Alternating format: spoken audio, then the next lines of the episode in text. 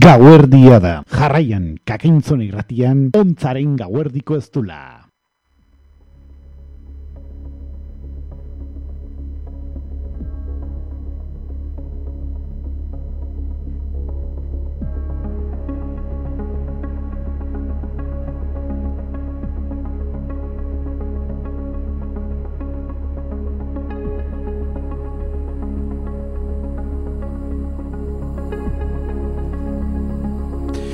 Gabon entzuleok.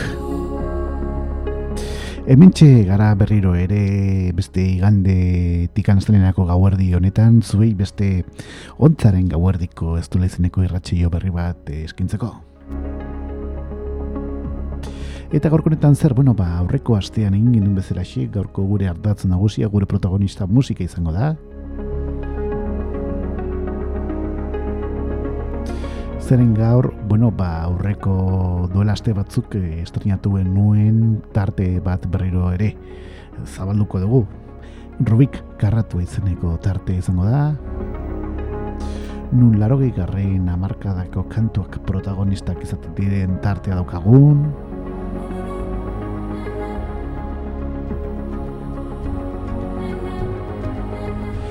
Eta amabiak eta hiru minutu ditugun honetan ematen diogu hasiera gure aste honetako jardunari.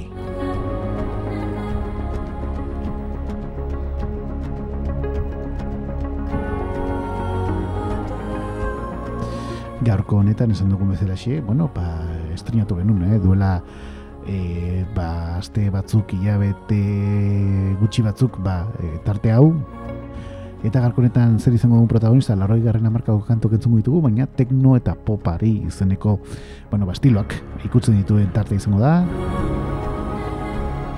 Eta hoxe izango da gure gaur gaueko hartatz nagusi hau. Jaso zazu aitor zen nagurrik eh, beroena, eta horren txasita eta datozen e, minutuetan, gure ontzak bere oiko ba, egaldia egiten hasiko du. Eta garkunetan, bueno, ba, nostalgikoak gatoz eta, bueno, ba, hortxe, eh? larogi garren amarkadako kantuak e, ba, goratzeko tarte zabala izango dugu.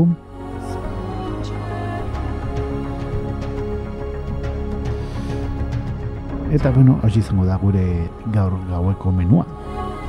Asteragoa zongitorre guzti baixu duzu, ontzaren gauardiko ez du lak, akain zure irratian... Eh,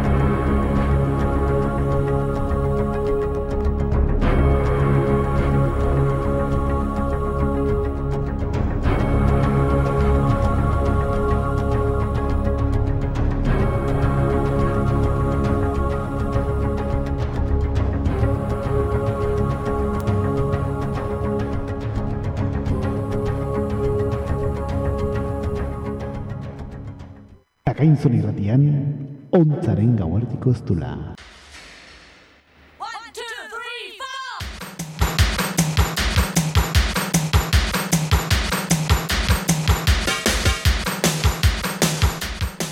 Amabiak eta zein minutu ditugu eta jarraia noiko legez. Bueno, ba, gure irratsaioari hasiera eman diogu gure sintoniarekin eta orain, bueno, ba, aurreko baten ere izan genuen tarte bat zabalduko dugu kubik garratu ezeneko tartea, nun larogi garren amarkadako kantuak gogoratzen ditugun, e, ba, txokoa da.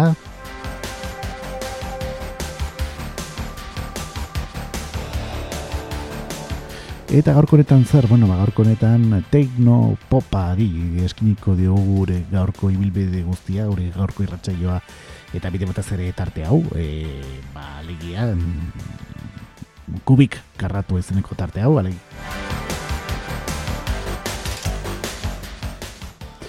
Eta denbora galdu gabe aurkezpenak egin ondoren, bagoazen orain, kan, ditugun kantuak e, ba, aurkezten jutea.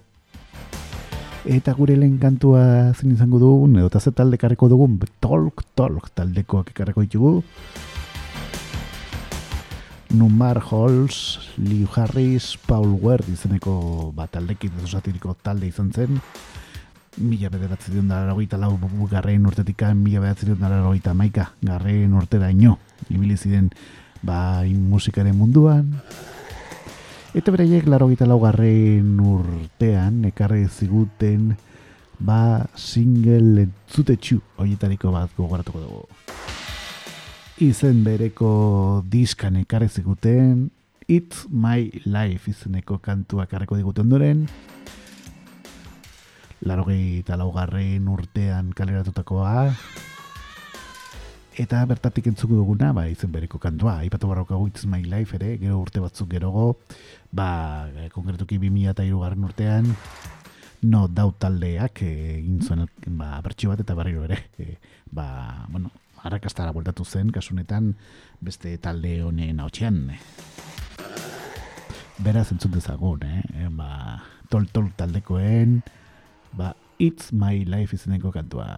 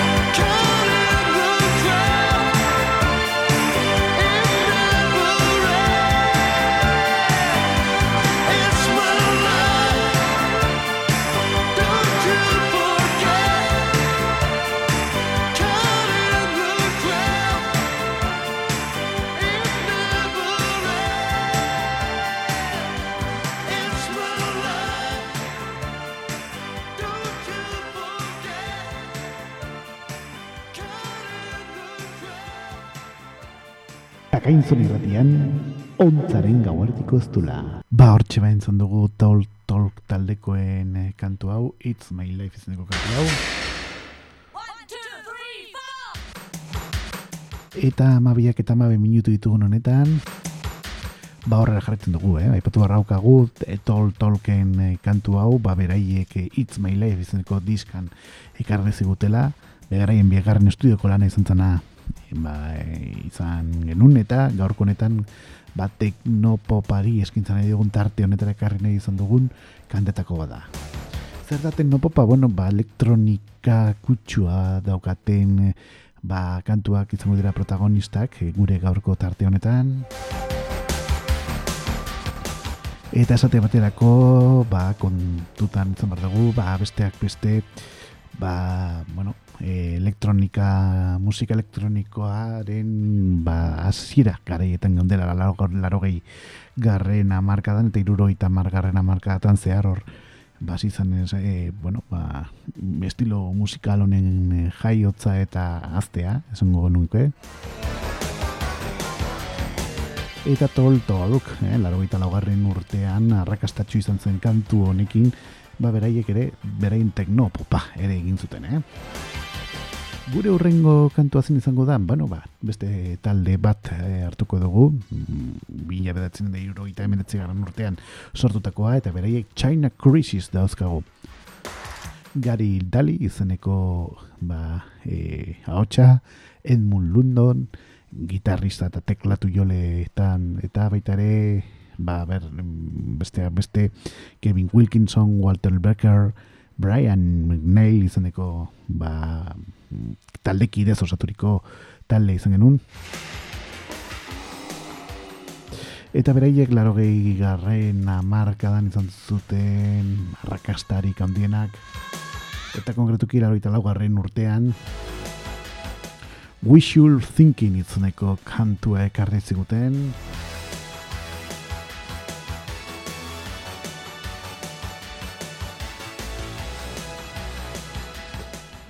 Eta beraie beste beste ba diska ezberdinak utzi zizkiguten eh, amarka horretan zer, loroi garen amarka dan alegia.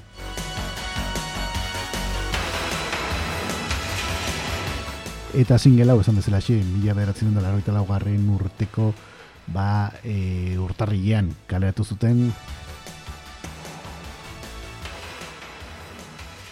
Eta esate baterako ba dantzeko ba zerrendetan goieneko postura iritsi ziren eh, kantu honi esker beratzen zagun China Crisisen We Should Thinking.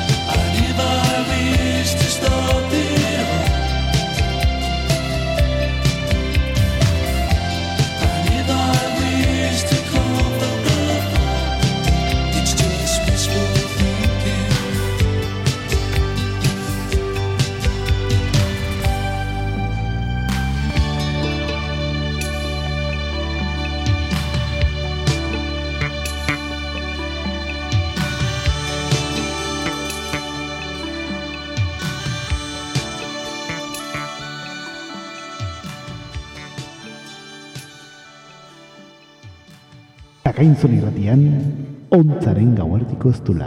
Ba, hortxe, ba, izan ditugu China Crisis izeneko taldekoen ba, Wishful Thinking, mila bederatzi de onda laro gehitalau garre nurtean entzun zen kantuetako bat, eta gure gaurko ontzaren gauartiko ez dula den barne daukagun Rubik Karratu izeneko tartere karri nahi izan dugun, ba, tekno popa edota multzo horretan sartu genezaken kantuetako bat e, daukagu zalantzarik gabe. Hemen jarretzen dugu, gau honetan. Eta amabiak eta hogei minutu ditugun honetan, ba aurrera goaz gure tarte honekin. Eta, bueno, aur, e, gure urrengo taldea zen izango da. Ba, e, bueno, teknopop e, horren barne, elektronika horren barne daukagun beste talde bat, laro garren amarkadan arrakastatxu izan zana, da, gure horrengo talde gombidatu New Order. Britania atletikan datorkigun roka elektronika egiten duen musika e, taldeetako bat da zalantzerik gabe, New Order. Eta laro garren urtean sortu ziren, bestea beste Bernard Summers, Stephen No Morris, Gillian Gilbert, Phil Cardingan eta Tom Chapman bezalako bat aldekidekin.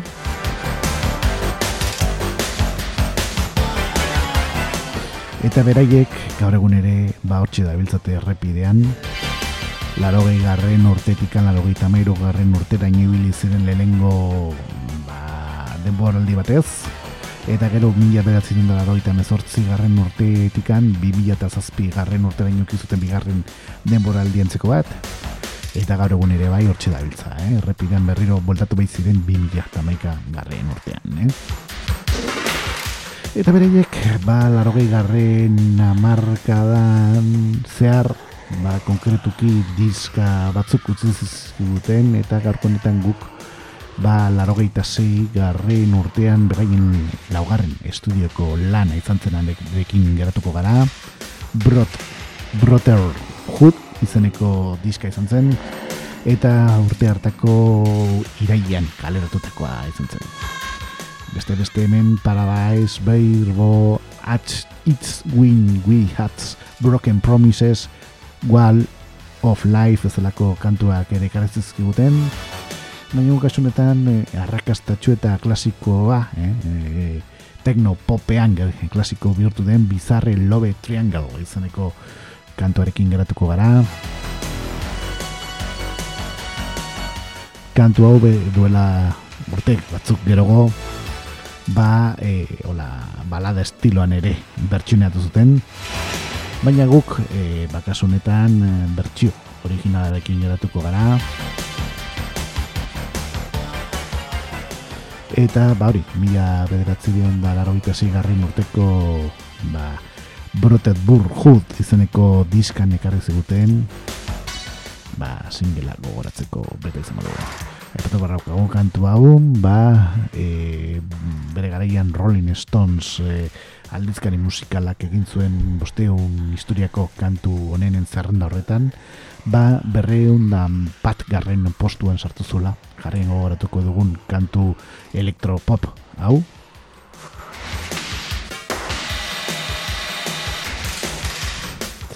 Eta ba denbora galdu gabe guazen entzute orain New Order tardekoen bizarre Love Triangle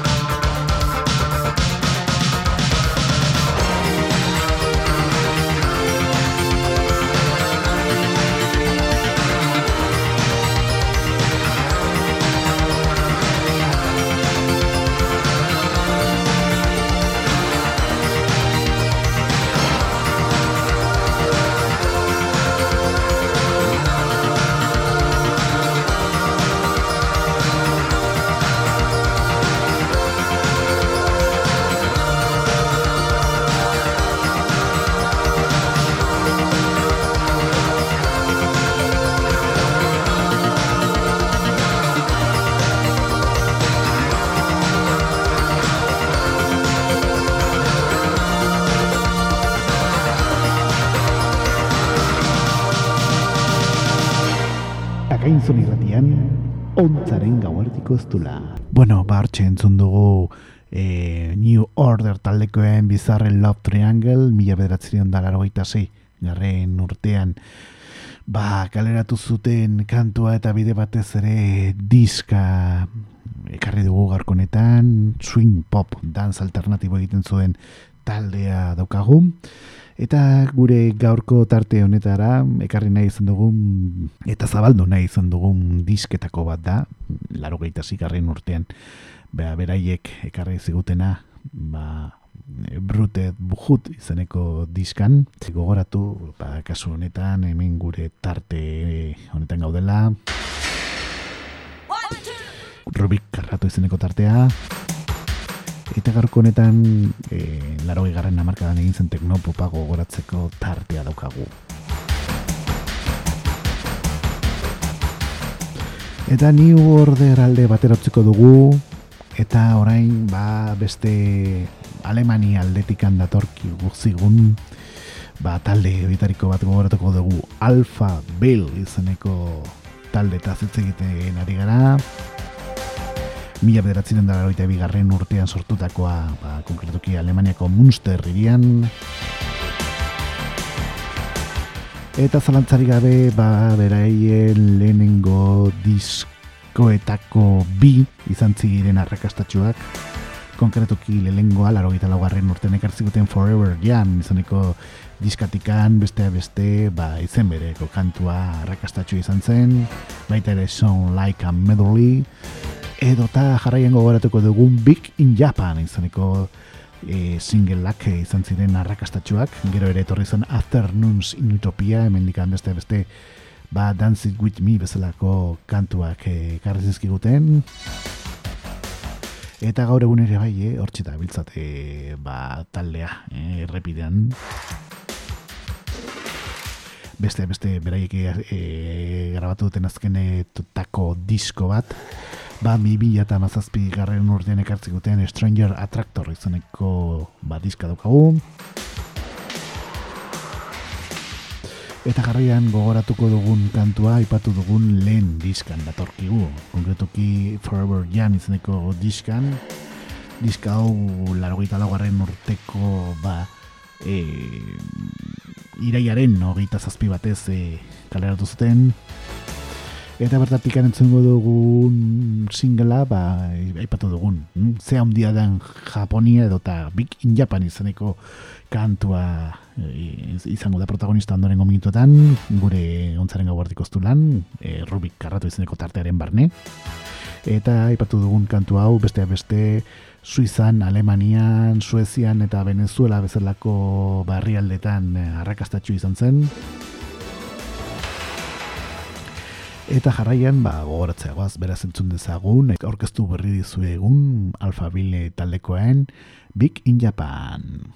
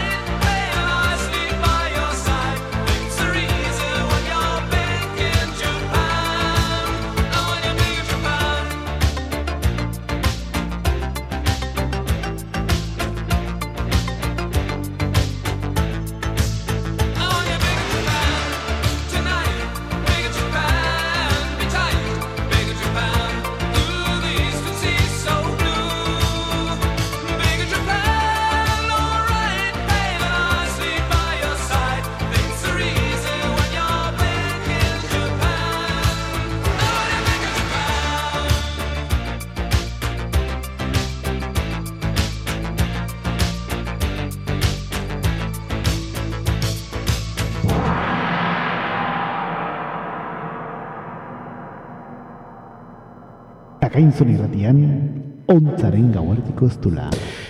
Ba, hortxe entzun ditugu, eh? Alfabil taldekoak eta beraien Big in Japan, eh? Mila bederatzerion da laro lau garren urtean, Forever Jan izeneko lehen diskan atera zuten eh, singela izan zen, eta esan dugun bezala gure gaurko ontzaren gauardiko ez dula irratxe joren barne daukagun, ba, e, kubik karratuaren tarte honetara ekarri nahi izan dugun e, kantua daukagu. Eta gaurko honetan zein zerra ba, kubik karratuaren ardatz nagusia ba, aipatu ditugun ba, teknopoparen kantuak. Amabiak eta hogeita minutu ditugu eta aurrera jarraitzen dugu gure kubik e, karratuaren tartearekin hemen gure sintonianetan gontzaren gauardiko zulan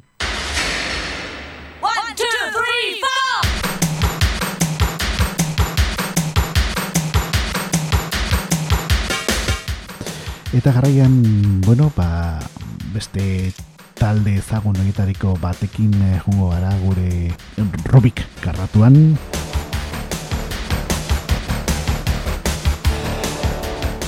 Eta, bueno, ba, dugun eh, taldea, ba, kasunetan, larogei garren amarkadaren hasieran ezaguna egin zen ba, kantu honi esker, eta bere ezintzun diran orkestra maneubres in the dark izeneko ba, talde daukagu. Maniobras orkestales in la oscuridad hemen erderaz ezagutu genuen ba, izena duen taldea. Eta egin mila bederatzerion da irro mazortzi garren urtetik laro gita garren urte daño ibiliziren lehen ibilbide batez. Eta bi mila bederatzi garren urtean voltatu ziren musikaren mundura eta gaur egun arte hortxe da bintzate, eh? Hauek elektronika, swing popa eta new age izeneko estiloak egin zituzten bere ibilbide musikalean zehar, talde hau elegia.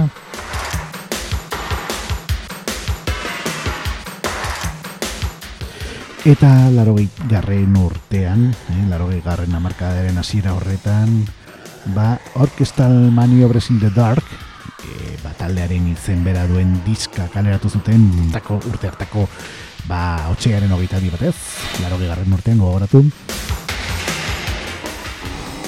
Beraien lehen estudioko lana izan zena.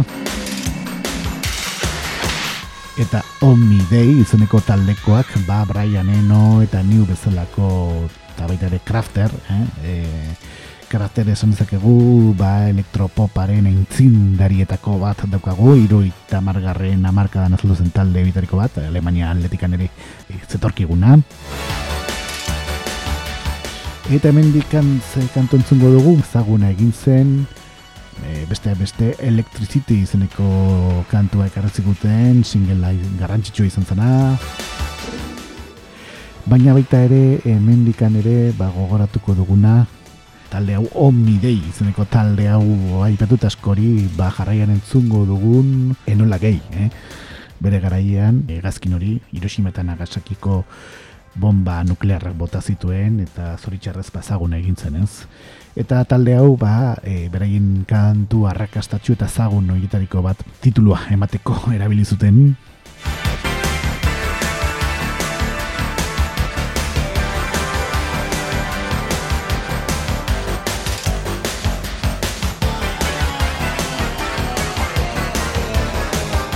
kantua laro bat garrein urtean azaldu zen.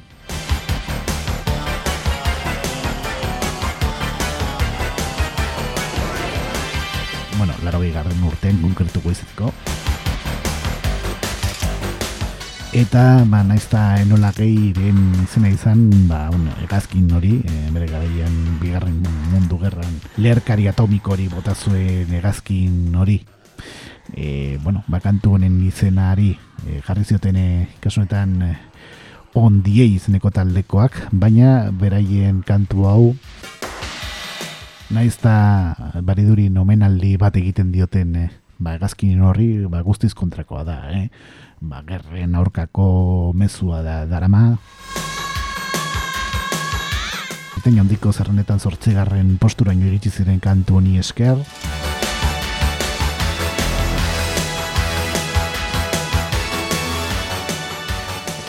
Eta datu hauek eman ondoren, guazen entzute orain, e, aurkeztu berri dizu egun kantu hau alegia. Orkestal Obres in the Dark taldekoen enola gehi izeneko kantuarekin utziko zaituzte ondoren, eh? Beraz entzun dezagun, ba, kantu hau, enola gehiren, e, adegia, Orkestal Obres in the Dark izeneko enola gehi, izeneko kantua izango zentzun gai, gure gaurko, ba, ontzaren gauardiko ez honetan, hemen robik karratua izeneko tartean. E, entzungo dugun, kantutako bat daukagu beraz, guazen gozatzea, ba, aipatu berri dizugun kanturekin.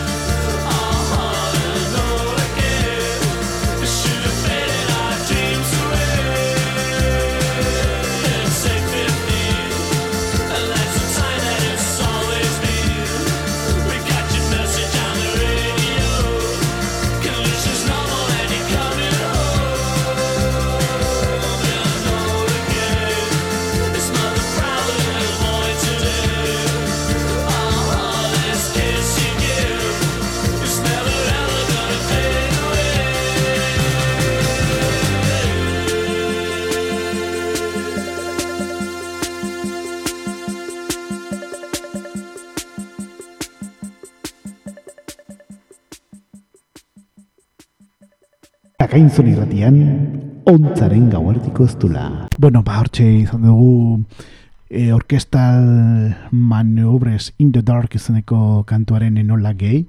Mila bederatzi dion talarogei garri nurtean e, kareratutako kantua izan zen. Ba, talde Britainia rau, e, maniobras orkestales en la oscuridad, hemen e, estatu maian ezagutu genuen ba, talde horren kantua gogoratzeko beta izan dugu ontzaren gauerdiko ez dula irratsaioaren barne daukagun rubik karratua eta arte honetan eta jarraian eh, ba bestelako kantu batzuk gogoratzeko bete izango dugu. Eta gure tarte honekin aurrera jarraituko dugu, amabiak eta berrogeita zein minutu ditugun honetan. Gaurko netan teknopopa daukagu ardatz nagusia gure ontzaren gauerdiko ez honetan.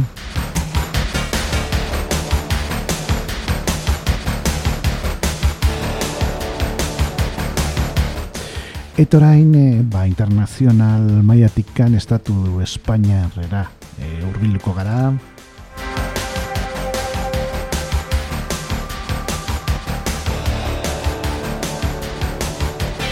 zeren hemen elektropopa egiten zuen eh, talde egietariko bat ere izan zen. Beraiek azul y negro en ba bikote musikala genukan teknopopean aintzindarietako batzuk. Izan ziren bere garaian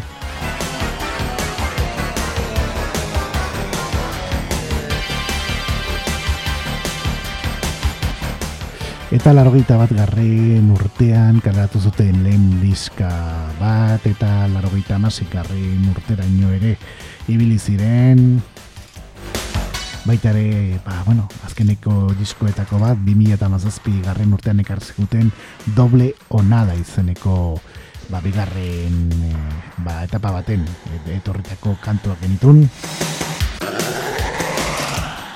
Eta beraiek ba mila beratziren da laro bi garren urtean la noche izeneko diska ekarri ziguten. Eta bertan ba ezagun egin zen kantu teknopoparen kantu hoietariko bat gogoratzeko bete izango dugu.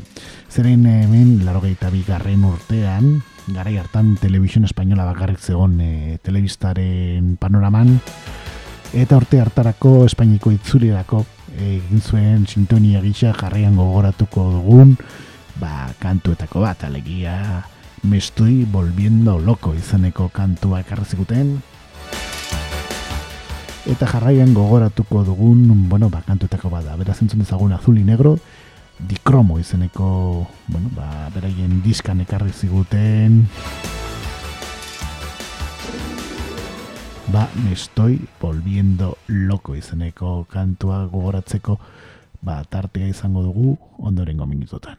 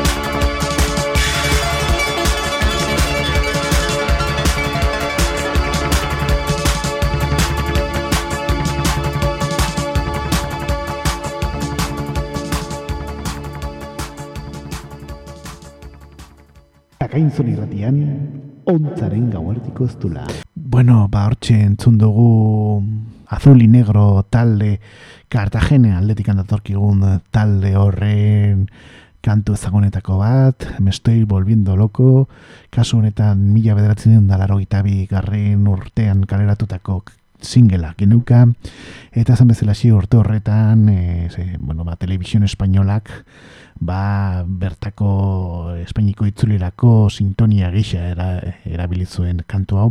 Eta urte bete on, gerogo, mila bat ziren garren urtean berriro errepikatu zuten ba, txirrindulari froga ezagun horretarako ere egin baitzuten edo bertan berei grabatu zuten no tengo tiempo izeneko kantua ere hartu zuten, con lo de los de la mano izeneko kantua ere erabilizan kasunetan laro gita irugarren urteko espainiko itzulirako sintoniak isa ere, bai.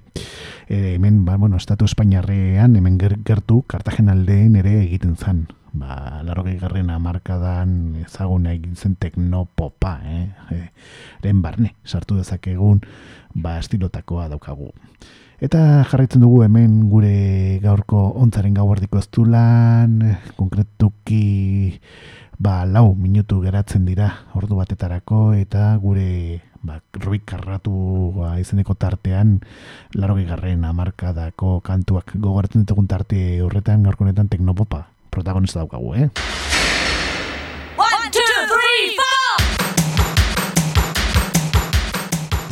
Eta horrega dagoaz gure gaurko musika aukerek eta ondoen, bueno, ba, bakarlari batekin jungo gara, laro garren amarkadako ikoenotako bat daukagu. Bera, Samantha Fox izan zen eta, bueno, da, momentuz biztik baitago.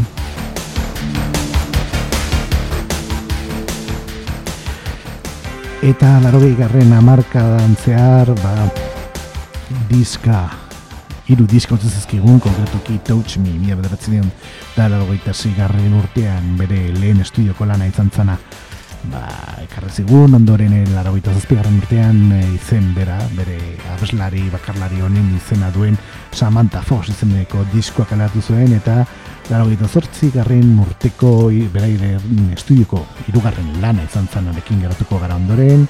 I wanna have some fun izeneko diska. Eta, bueno, Samantha Fox aipatzea, ba, askori, ba, bueno, ba, bueno, laro garren amarkadako ikonotako bat bihurtu zen. Sabrina bezalako abeslariekin batera baita ere Kylie Minogue, Rick Ashley ere ezagunak egin ziren garaiaetan. Eta guk esan bezala xe, beraren e, irugarren I wanna have some fun itzeniko diskoa zabalduko dugu eta bertatikan, bueno, ba, irurogei garren amarkadan, e, ba, derronetes taldekoak ezagunak egin zuten kantu itariko bat bertxuneatu zuen, I wanna be in love with you izeneko kantua, With You izeneko kantua. Only Wanna Be With You. Eta bain jarraian, ba, bueno, tekno pop izeneko tarte honetara ekarriko dugun beste kantuetako bat daukagu. Beraz entzun dezagun, Samantha Fossen, mila beratzen da laroita zortzi, garren urtean wanna have Sean Fan izeneko diska nekarri zigun. Ronet estaldekoek bere garaian ezagun egin zuten Only wanna with, with you izeneko kantuarekin geratuko gara ondoren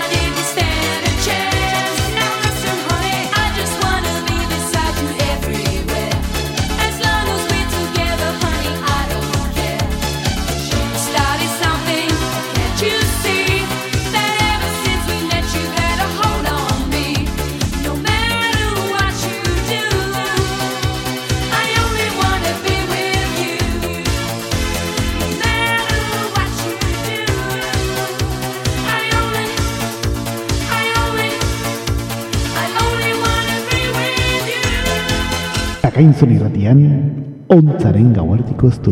Bueno, ba hortxen dugu kasu honetan Samantha Fox handiaren Only Wanna With Be With You izeneko kantua, mila bederatzi deun da largoita zortzi, garren urtean, berarren, irugarren estudioko lanean ekarrezigun I Wanna Have Some Fun izeneko diskaren barne, izan zen, bueno, bar, derronete, ez lekoak bere irurogei garren amarkadan ezagunak egin zuten, ba, bertxio, hori, entzuteko aukera izan dugu gure gaurko tarte honetan, eta jadanik, ba, ordu batatikan bi minutu pasatzen diren honetan, ba, aurrerakoaz gure tarte honekin, gure rubik karratu izeneko tartearekin.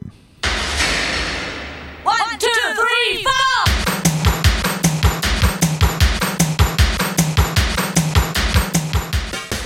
Egia esan da hemen, e, bueno, kantu aukerak eta, ba, bueno, ugari, presta duta genuzkan gure gaurko irratxai honetreko. Baina denbora ere pixkanaka pixkanaka aurrera dijo. Eta, ba, jarraian, ba, iru azken, iru kantuak, eh? E, entzuteko bete izango dugu gure azken minutu hauetan gure ontzaren gau hartiko ez honetan alegia astel igandetik anastelenerako gau erdi honetan hasita daukagun bai ratxa josume honen barne daukagun bat artea da eta garko honetan ba elektro popa izeneko estiloa daukagu laroi garren amarka dantzearekin ziren kantu elektroniko popo eroak ekarri nahi izan ditugu gure rubik arratu izeneko tarte honetara eta ondoren zen entzungo dugun bueno ba B-Movie zeneko taldea, eh? E, dugu ondoren, B-Movie e, talde hau, eta esan behar dugu, ba, One Hit Wonder bat, horitariko bat, ikarri zuen taldetako badaukagu, B-Movie, e, alegia, e, One Hit Wonderrak dira, ba, kasu honetan,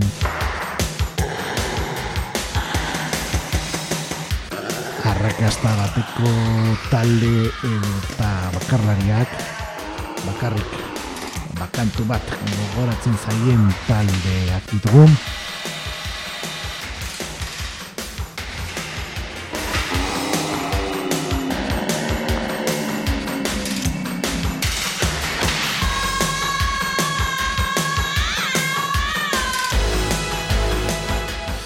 eta larogei garren amarkadan ezagunak egin ziren eh, taldetako bat daukagu, bi mubi zeneko talde hau.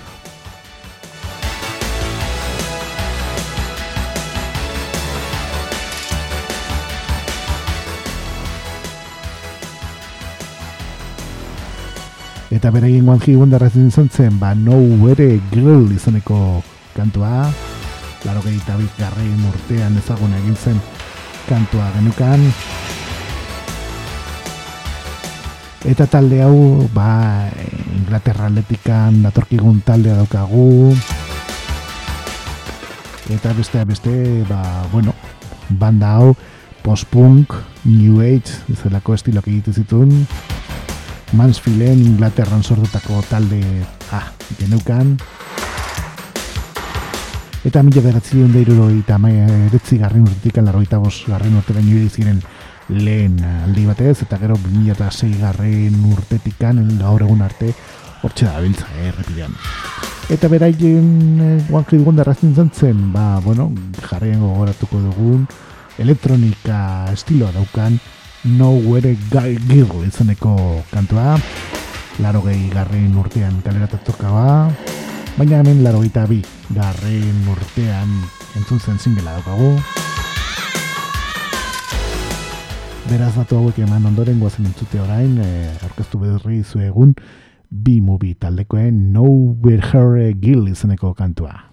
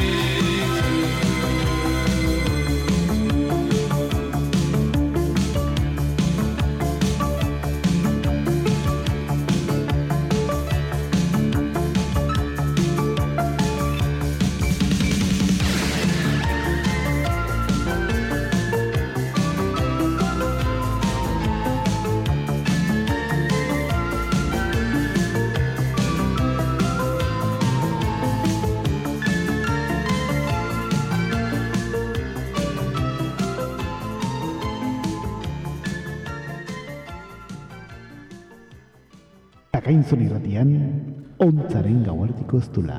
Ordu batak eta amabe minutu ditugu eta hementxe jarraitzen dugu gure ontzaren gauardiko ez dula honetan. Gaurko honetan, ba, Rubik karratua ezeneko tartearekin eta gaur laro gehi garren amarkadako kantuak gogoratzen ari gara azken minutu guetan eta ba, hartatzen nagusia ze daukaten, ba, e, teknopop estiloan, ez horrezizkigun kantuak gogoratzen ari gara. Eta jadanik pixkanaka pixkanaka ere denbora amatzen, amaitzen ari zaigu gure gaurko tarte honetan, gure gaurko ontzaren gauardiko ez du honetan. Eta ondoren ez e, aurrera jarraituko dugu. Ondoren gure urrengo gonbidatu zintzuk izango dira, ba, propaganda taldekoak ditugu. Propaganda taldea, ibizen bitxia da, baina ez dira, Estatu Espainiak ez ez, Alemania aldetik zetorzkiguten eta largoi garren amarkadan beste beste duel bezalako kantuak ere ekarri ziguten eh, ba, bere garaian propaganda taldekoak. Beraiek ere bai largoita garren urtean ekarri ziguten a secret wish izeneko bezalako ba, diskak eutzi ziguten eta esaterako bueno, ba, propaganda taldekoek ba, diska honi esker ere ezagunak ere egin ziren. Ba, bere garaian, laro garren gara, urte gaietako mm, garai gaietan eta ba, besteak beste talde hau Europako zerrendetan goreneko postu tara iritsi ziren. Düsseldorf, Alemania atletik kan etorri zitezkigun talde koak ditugun eta largoita bi garren urtean sortu zen ba, ba, taldea izan zen. Eta esan bezala Secret Wish izeneko diska ekarri ziguten largoita bos garren urteko uztailean eta bertatikan ba, e, Britania hondiko zerrendetan ere ba, garren posturaino iritsi ziren eta men bestea beste ba, jarraian e, gogoratuko dugun P Machinery izeneko kantua entzuteko bete izango dugu ondorengo minutuetan gure tarte honetan beraz entzun dezagun propaganda taldekoen P Machinery izeneko ba beraien arrakastatako bat. Motor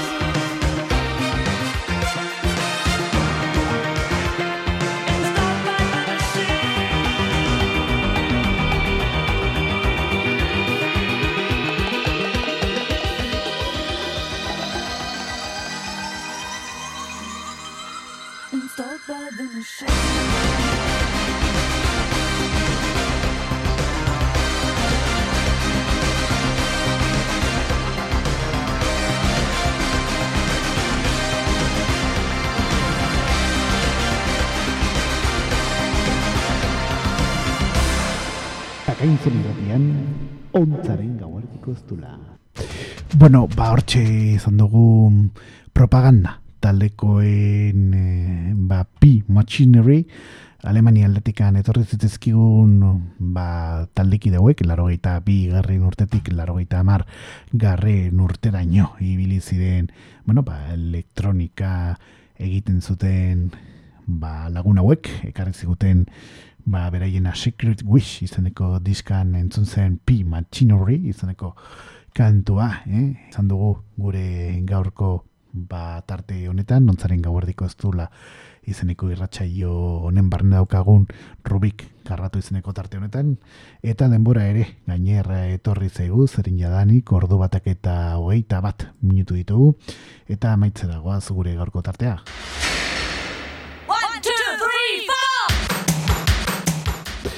Ba, genuzkan beste kantu batzuk hemen prestatuta zui eskintzeko, baina, bueno, hemen eh, denbora ez da infinitua, eta ere gutxiago irratian ere be. Eta, ba, itxi beharra daukagu gure gaurko irratxeioa, gure ontzak bere ibilbidea amaitu nahi du, ja nekatuta bai dago, bere oiko egaldia pixkan luzatu baitzaio. Eta, ba, bueno, entzulok, e, ordu batak eta hogeita bi minutu ditugun honetan, ba, amaitzera goaz.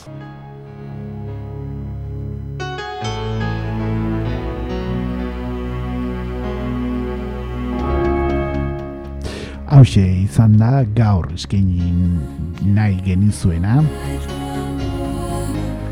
gaurko honetan aurreko saioan gertatu zen antzera ardatzen nagusia musika izan dugu baina kasunetan gaurko gure tartea duela aste batzuk estrenatu genuen Rubik Karratu iz, izeneko tartea daukagu. Eta bertan zer entzun dugu, bueno, ba, laro gehi garren amarkadako kantuak izaten dira protagonista Rubik Karratu Eak izaneko tarte horretan. Eta gaurko honetan, ba, larogei garren amarkadan egin zen teknopopa izan dugu protagonista. Gubagoaz, zentzuleok, ordu batak eta hogeita bi minutu ditugun honetan. Gaizki esanak barkatu, ondo esanak ondo hartu, eta guk, okerrik ezean datorren ostira arte agurtuko gara. Beraz, aste hau ikaragarri ondo pasa, disfrutatu bizitzaz, eta guk, esan bezala xie, okerrik ez baldin badabintza, datorren ostiralean, iluntzeko zortziretan bortatuko gara gure planin prest izeneko irratxe joan, eta ordu arte ondo ondo segi. Guk, datorren igandean bortatuko gara, gure ontzak bere oiko egaldi egingo du, ba, igandetik anazteleneko gauerdi horretan, eta ordu arte ondo ondo segi, eh? Datorren astera arte, aio.